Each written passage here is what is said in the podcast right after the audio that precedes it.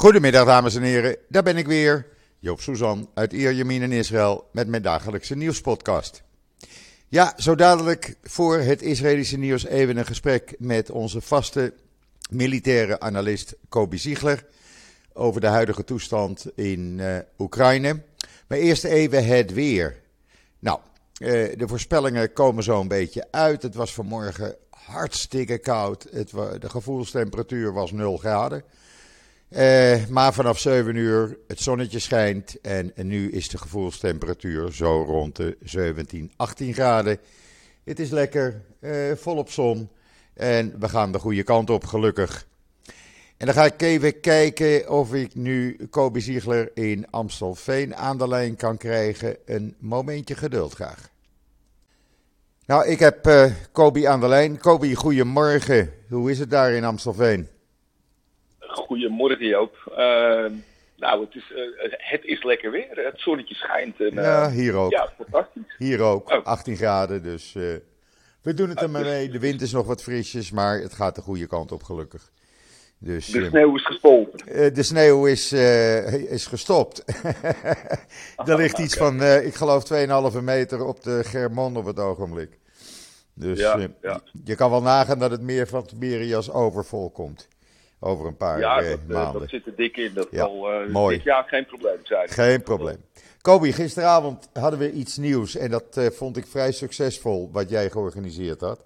Dat ging over de uitleg uh, militair, geopolitiek, strategisch over de oorlog in Oekraïne. Ja. ja. het was heel bijzonder en veel mensen hebben ook geluisterd, zag ik. Ehm, ja. Inmiddels uh, is die situatie ja, min of meer ongewijzigd, denk ik, hè? Na gisteravond. Uh, ja, na gisteravond sowieso. Ja, ik, ik wil eigenlijk uh, eerst even iets zeggen over die space. Ja. De Twitter space. Ja. omdat ik, ehm, nou, ik heb een hoop positieve reacties gekregen. en de, ja, de andere initiator van het verhaal was Frank. Uh, die heeft ook uh, positieve reacties gekregen. Alleen uh, heeft helaas de techniek ons een beetje in de steek gelaten. Voor een aantal mensen was de geluidskwaliteit ehm, ja, slecht. en, en werd het geluid zelfs onderbroken. ja, het is een nieuwe techniek van Twitter die nog niet helemaal vlekkeloos ehm, verloopt. Ehm, ja, we gaan later in de week gaan we nog een keer een uh, Twitter Space organiseren. En dan hopen we in ieder geval uh, ja, dat er uh, meer mensen gaan deelnemen. En dat het toch techniek wat beter is als, als gisteren. Het is ja. in ieder geval nog niet helemaal stabiel. maar het idee erachter is heel interessant. Het is inter interactief. Mensen kunnen meepraten, krijgen eigenlijk direct antwoord. mensen kunnen vanuit hun expertise ook deelnemen aan het gesprek. Uh, ja, het maakt het, uh, het maakt het heel leuk. Ik ja. vind het inter een interessant probeersel, om het zo ja. maar te zeggen. Nou, en dat zag ik ook aan de hoeveelheid deelnemers. Even voor de goede orde, Frank heeft ook een militaire achtergrond.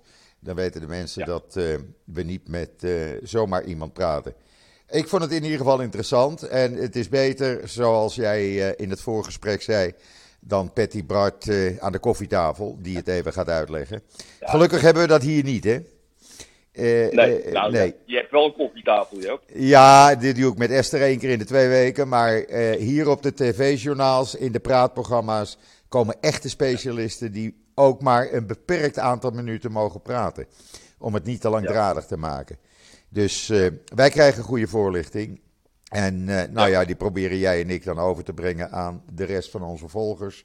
En luisteraars en lezers zodat men echt weet ja. wat er speelt.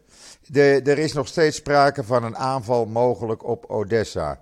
Uh, die schepen liggen er nog, die Russische schepen? Ja, die, uh, die schepen liggen er nog. Uh, ze hebben één keer een poging gedaan om een landing, een amfibische landing uh, te doen. Helemaal in het begin van het conflict. een tweede poging is ja, afgekapt vanwege het weer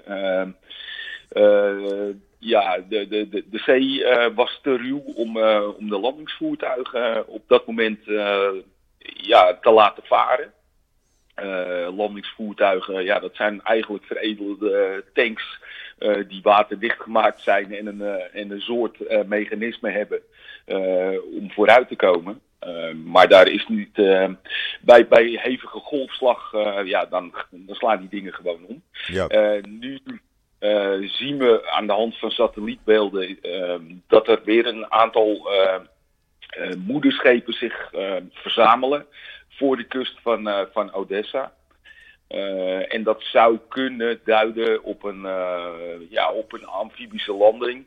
Um, ja, de ene, de, de ene analist zegt het gaat komen, de ander zegt het gaat niet komen. Uh, mijn voorspelling is ja, dat het mogelijk in een later stadium wel gepookt gaat worden.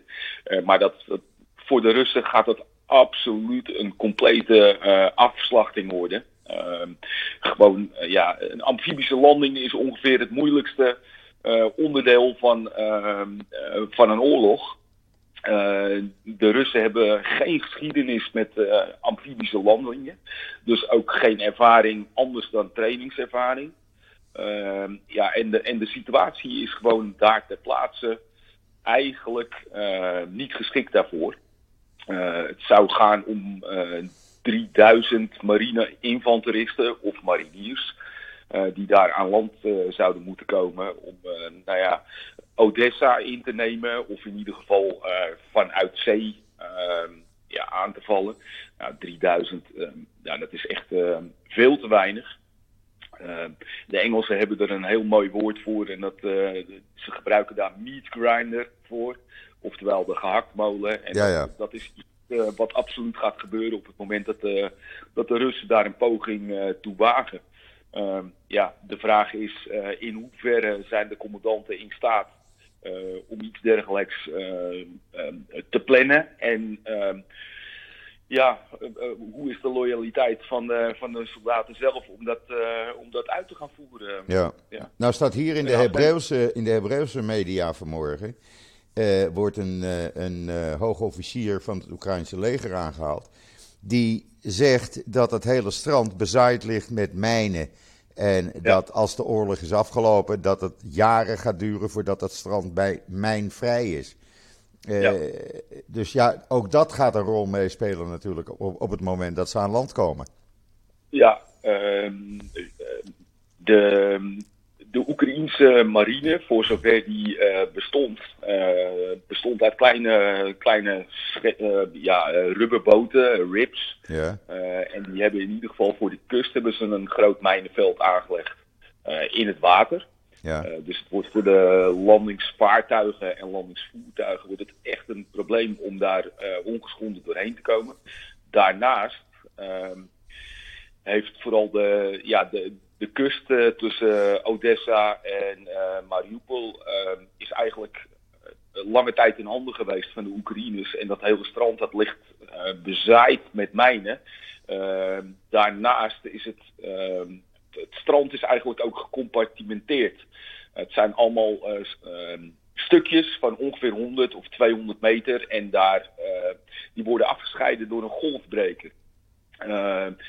En dat maakt het ook heel moeilijk, uh, omdat je eigenlijk nou ja, precies op het, uh, op het goede punt moet landen. Want anders dan, uh, ja, dan ben je afgesloten van je eigen troepen. Ja.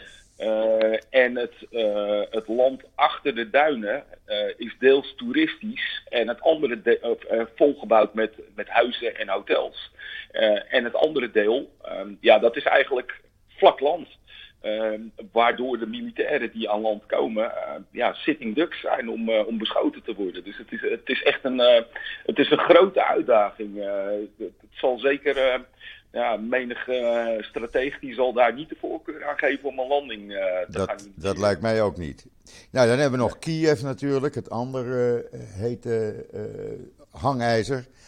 ik denk ja. niet dat de Russen daar nu een grote aanval gaan doen, omdat die drie premiers uh, daar zitten nu hè, in Kiev. Uh, de premiers ja. van Polen, Hongarije en Tsjechië, als ik het goed heb. Ja, uh, ja volgens mij zijn ze alweer weg, maar ah, okay. ze, ze, waren er in ieder geval wel. Ja, ja, ja. Ja, ja en wat men deed vanmorgen vroeg weer, is ja, beschieten van flatgebouwen. Ja. Maar er zijn wel twee Russische vliegtuigen naar beneden gehaald en een helikopter. Ja, ik las vanmorgen ook, maar dat heb ik niet bevestigd kunnen krijgen, dat er ook ergens ehm, een, ehm, ja, een contingent van helikopters ehm, uitgeschakeld ja, was. En heb ik ook gelezen. Gaan om, om, om, negen helikopters, maar ik heb dat niet bevestigd kunnen krijgen. Het zou zijn op dat vliegveld van uh, Geripol. Ja, Geripol. Ja. Uh, als ik het goed zeg, dat vliegveld. Daar stonden helikopters, Russische helikopters. En vanuit de lucht zijn die uh, uitgeschakeld. Ja, ja. Ik, ik, dat heb ik gelezen. Um, ik, ik, kwam het ook in een WhatsApp groep tegen. Um, ja, of het, het, het, duurt altijd even voordat het bevestigd wordt. Ja. maar ja, de mensen die daar uh, de berichten neerzetten, die zijn wel redelijk uh, accuraat en betrouwbaar. Dus ik ga ervan uit dat dat, uh, dat het klopt. Ja. Um, Onder andere Rob Lee, Rob Lee heeft, het, heeft er een videootje van. Die heb ik ja, geretweet. Dat is de man met, een, gisteren, met een half miljoen volgers. Gisteren even gezocht op jouw advies. Ja. op, de, op de beste man. Hij is wel goed, hè? Rob Lee. hij, het, het, is in ieder geval een verzameling van beeldmateriaal ja. wat daar te vinden is. Dus ja, het is voor de mensen is het wel informatief. Ja. Maar om even, even terug te komen op, op Kiev. Ja. De laatste kaart van vanmorgen die laat toch wel wat veranderingen zien ten opzichte van gisteren. de Russen die zijn her en der wel iets opgetrokken. of het gebied wordt bestempeld als nou ja, conflictzone. en dat, ja, het, het gaat wel richting, richting Kiev. Um, ik kwam ook uh, twee gebieden tegen. Uh, twee aan de noordwestkant van Kiev en één aan de oostkant van Kiev.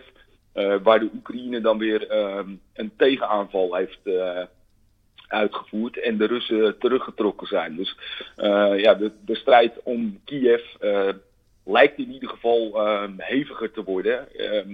Het gebied wat er gisteren en eergisteren was, zo'n uh, zo'n 20 kilometer uh, tussen de strijdende troepen, dat is in ieder geval uh, op sommige delen behoorlijk kleiner geworden. Ja, ja. Ik zag ook beelden vanmorgen dat het leven min of meer normaal plaatsvindt in Kiev. auto's staan bij een benzinestation, winkels zijn open. Het is niet zo erg nog als in Mariupol waar sprake is van hongersnood, geen water, geen elektra. Dat is een ramp. Ja, ja wat ze in uh, Mariupol gedaan hebben, dat is eigenlijk de, de oude Russische tactiek gebruiken. En dat is de stad uh, volledig uh, isoleren van alle vormen van infrastructuur. nutsbedrijven, dus internet, elektriciteit, water, de toevoer van voedsel, alles is afgesloten. afgesloten. Ja, met als doel uiteindelijk de bevolking en, en het stadsbestuur op de, op de knieën te krijgen. Ja. zo erg is het in Kiev nog niet, omdat eigenlijk de zuidkant en de zuidwestkant ehm, ja, nog gewoon bereikbaar is voor, ja, voor toevoer van allerlei producten. En ehm, ja, ook de, de nutsvoorzieningen die zijn daar nog redelijk in stand. Dus ehm, het, het is daar nog niet zo erg, maar ik verwacht dat dat niet lang meer gaat duren. Nou, we gaan het, uh, we gaan het zien de komende dagen. Ik hoop uh, ja. ondertussen dat die diplomatieke gesprekken uh, wat gaan opleveren. Zelensky heeft bekendgemaakt dat Poetin wat meer realistischer is met zijn eisen. Dus ja, wie weet. gisteren heeft Zelensky natuurlijk gezegd van we sluiten ons niet aan bij de NATO of NAVO. Eerder was al bekend dat ze niet bij de EU komen. Dus er zijn twee punten al die Poetin geëist had. Uh, die nu ja. van tafel zijn. Dus we moeten afwachten wat er gaat gebeuren de komende tijd. Ja, we hebben het in het, uh, in het voorgesprek er al kort over gehad. Uh, in mijn optiek uh, is er niet zo heel erg veel veranderd. Zelensky heeft altijd wel de kennis en in zijn achterhoofd gehad dat hij nooit een lidmaatschap, althans de komende periode, nooit een lidmaatschap van de NATO zou, zou krijgen. Europese Unie, ja, voor wat het waard is. Uh, uh, ik weet dat, uh, dat ze vooral geïnteresseerd zijn uh, om een aansluiting te krijgen op het elektriciteitsnet van Europa. wat eigenlijk een, um, ja, een notariële beslissing moet zijn. En ja, dat, dat is vooral de interesse van Europa en waarschijnlijk financieel. maar voor de rest is er niet zo heel erg veel veranderd aan de eisen van Poetin hoor. Nee. ja, de erkenning van de Krim en de Donbass en nou ja, neutraal blijven, geen lid worden van de NATO. Dat zijn de eisen die hij altijd al gehad heeft. Ehm, ja, en worden nu gepresenteerd als een klein beetje afgezwakt. Maar uh, ik zie er nog niet zo heel erg veel verandering in komen, eerlijk gezegd. Oké. Nou ja, we gaan het meemaken de komende dagen. Uh, we blijven wel even contact houden, jij en ik. Als er iets bijzonders is, dan heb ik je weer graag even aan de lijn. En dan kan je de mensen weer informeren. Helemaal goed, Joop. Hartstikke bedankt weer, Kobi. We spreken elkaar snel. En ja, nou, heb nog een fijne middag. Eens gelijk. Oké. Okay. Uh, luisteraars ook. Oké, okay, Dankjewel, tot later. Bye. Bye. Ja, dit was uh, Kobi die weer een uh, hele duidelijke uitleg, uitleg gaf over de stand van zaken in Oost-Europa, met name dan Oekraïne. Ja, dan speelt er hier iets. En dat is dat de Russische ambassadeur. Die heeft met spoed een onderhoud gevraagd aan de voorzitter van de Knesset. voorafgaand aan uh, de toespraak die de Oekraïnse premier, president Zelensky.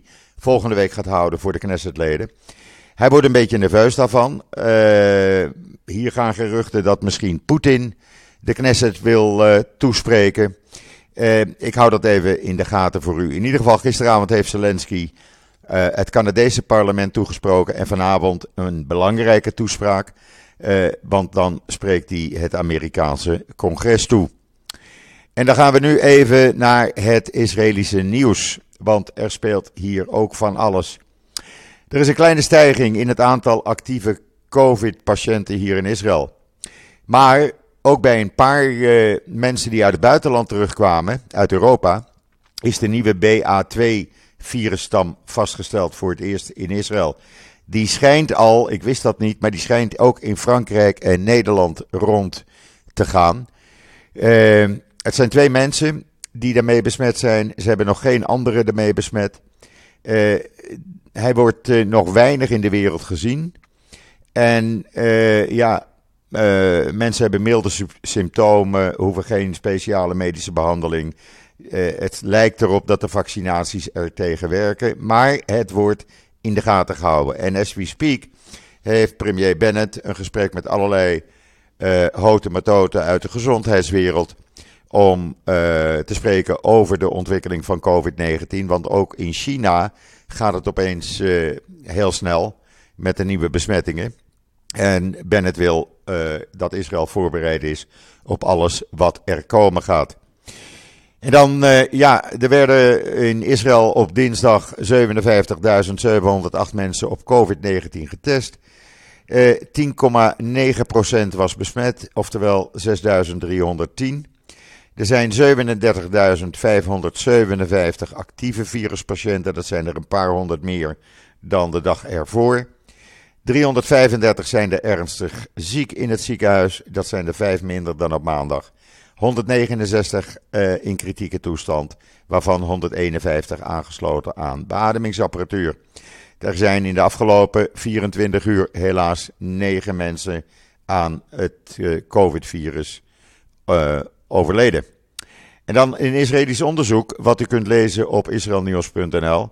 Door darmbacteriën in evenwicht te brengen, kan een hartaanval worden voorkomen.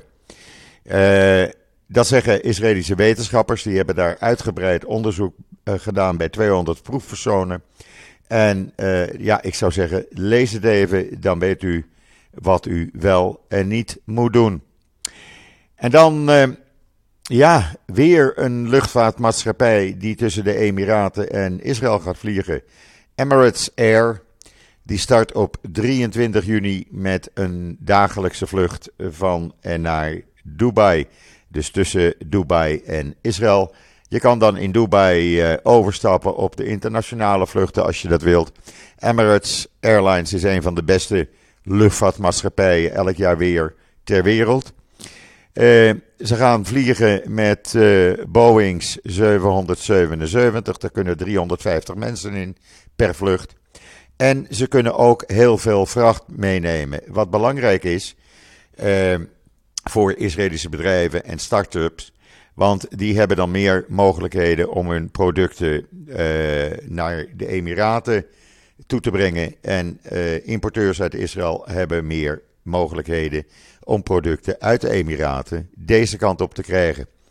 Dus ja, uh, dan zijn er een heleboel dagelijkse vluchten, want we hebben El Al, we hebben dus nu binnenkort Emirates Air, we hebben Fly Dubai, we hebben Israël, we hebben Arkia. Nou, het kan niet op, zou ik zo zeggen. Je kan uh, gewoon kiezen op welk moment je naar Dubai wil vanuit Israël. En dan op Israël Air, of Israël Air, op uh, israelnieuws.nl hebben gisteren een artikel gezet over Palestijnen die tijdens een bruiloft Poetin toejuichten en zingen voor een Chinese inval in Taiwan. De video kunt u zien via de link in het artikel. het was een Palestijnse bruiloft en Poetin werd geprezen, nou, uh, op een manier die je niet voor mogelijk houdt. Hij werd toegejuicht voor zijn uh, agressie tegen Oekraïne, voor de oorlog die hij daar voert. En uh, ze vroegen in dat lied ook: pak de Oekraïnse vrouwen op en breng ze maar hier, want dan zullen wij, Palestijnen, wel met hun trouwen. En het werd gevolgd door een oproep aan China om een invasie in Taiwan uit te voeren. Bekijk die video via Israël Nieuws. En uh, ja, u zult zien, ik heb weer gelijk. En Palestijn uh, gokt altijd op de verkeerde kant. En dan Bas Belder heeft weer een heel interessant artikel geplaatst in israelnieuws.nl over de nucleaire deal die president Biden met Iran wil afsluiten. En dat zou wel eens een bom in het Midden-Oosten kunnen betekenen. Het is een heel lang uh, artikel van analisten die dat helemaal uitgewerkt hebben. De blinde zucht van Biden naar een deal met Iran in samenwerking met de Russische beschermheren van de Islamitische Republiek plaatst Israël voor enorme veiligheidsproblemen.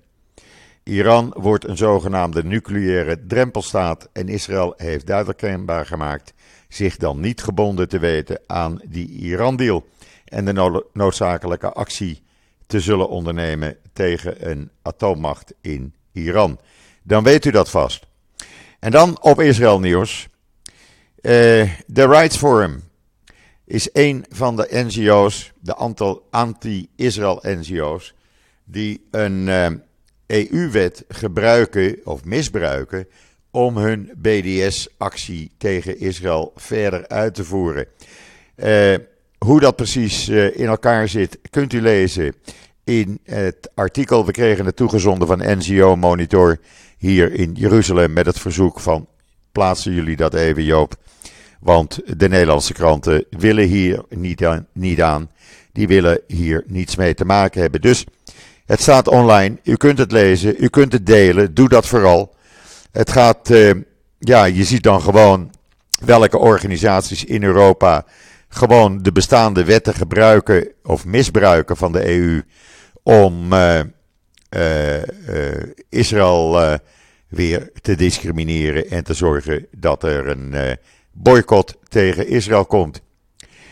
En dan een heel oud standbeeld uit het vierde millennium voor Christus is voor het eerst te zien, The Lord of the Desert.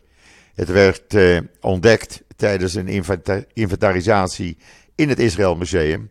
En men was dit helemaal vergeten. Nou, het, het staat in de tentoonstelling. U kunt het zien. Het is 1,74 meter hoog. Het weegt 350 kilo. Het is uitstekend uh, bewaard gebleven. wel in twee stukken gebroken, maar die heeft men op elkaar gezet. Zodat het weer één standbeeld is. En dan Lockheed Martin die heeft een science kindergarten, uh, een kleuterschool in uh, Betje aan gelanceerd. Uh, daar leren kleuters al om te gaan met allerlei moderne ja, laten we zeggen, internet gebruiken. En ja, ik vind het een goed initiatief van Lockheed Martin. Helaas is er in Oekraïne een Joodse jongen overleden. Een yeshiva-student, Serafim Sabaransky. Hij zat in dienst.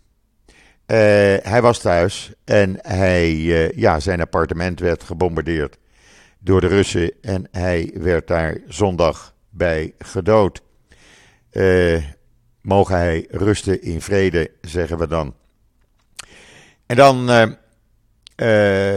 een laatste bericht. Gisteren, maandagavond, was de tweede aflevering van de serie Mokum Online. Die was te zien op de Nederlandse televisie. Ik heb hem gistermiddag even bekeken en ik moet zeggen, heeft u hem nog niet gezien, ga ook die bekijken. Het gaat over de geschiedenis van de Joden in Amsterdam en hoe Amsterdam verbonden is aan Joden en Joden aan Amsterdam verbonden zijn. Heel interessant, heel bijzonder en uh, heel actueel, mag ik eigenlijk wel zeggen. Hij staat op NPO Start en ik raad het iedereen aan om hem even te gaan bekijken. Goed, dat brengt mij tot uh, het einde van deze lange podcast. Uh, ik hoop dat u er wat aan heeft gehad. We proberen zoveel mogelijk info te geven over wat er zich in Israël en daarbuiten afspeelt. Ik ben altijd blij als uh, Kobi Ziegler even zijn militaire analyse over de situatie laat gaan in Oekraïne.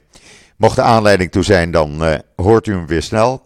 Voor de rest volg mijn uh, Facebook en Twitter accounts. Daar hou ik u elke minuut op de hoogte van wat er gebeurt.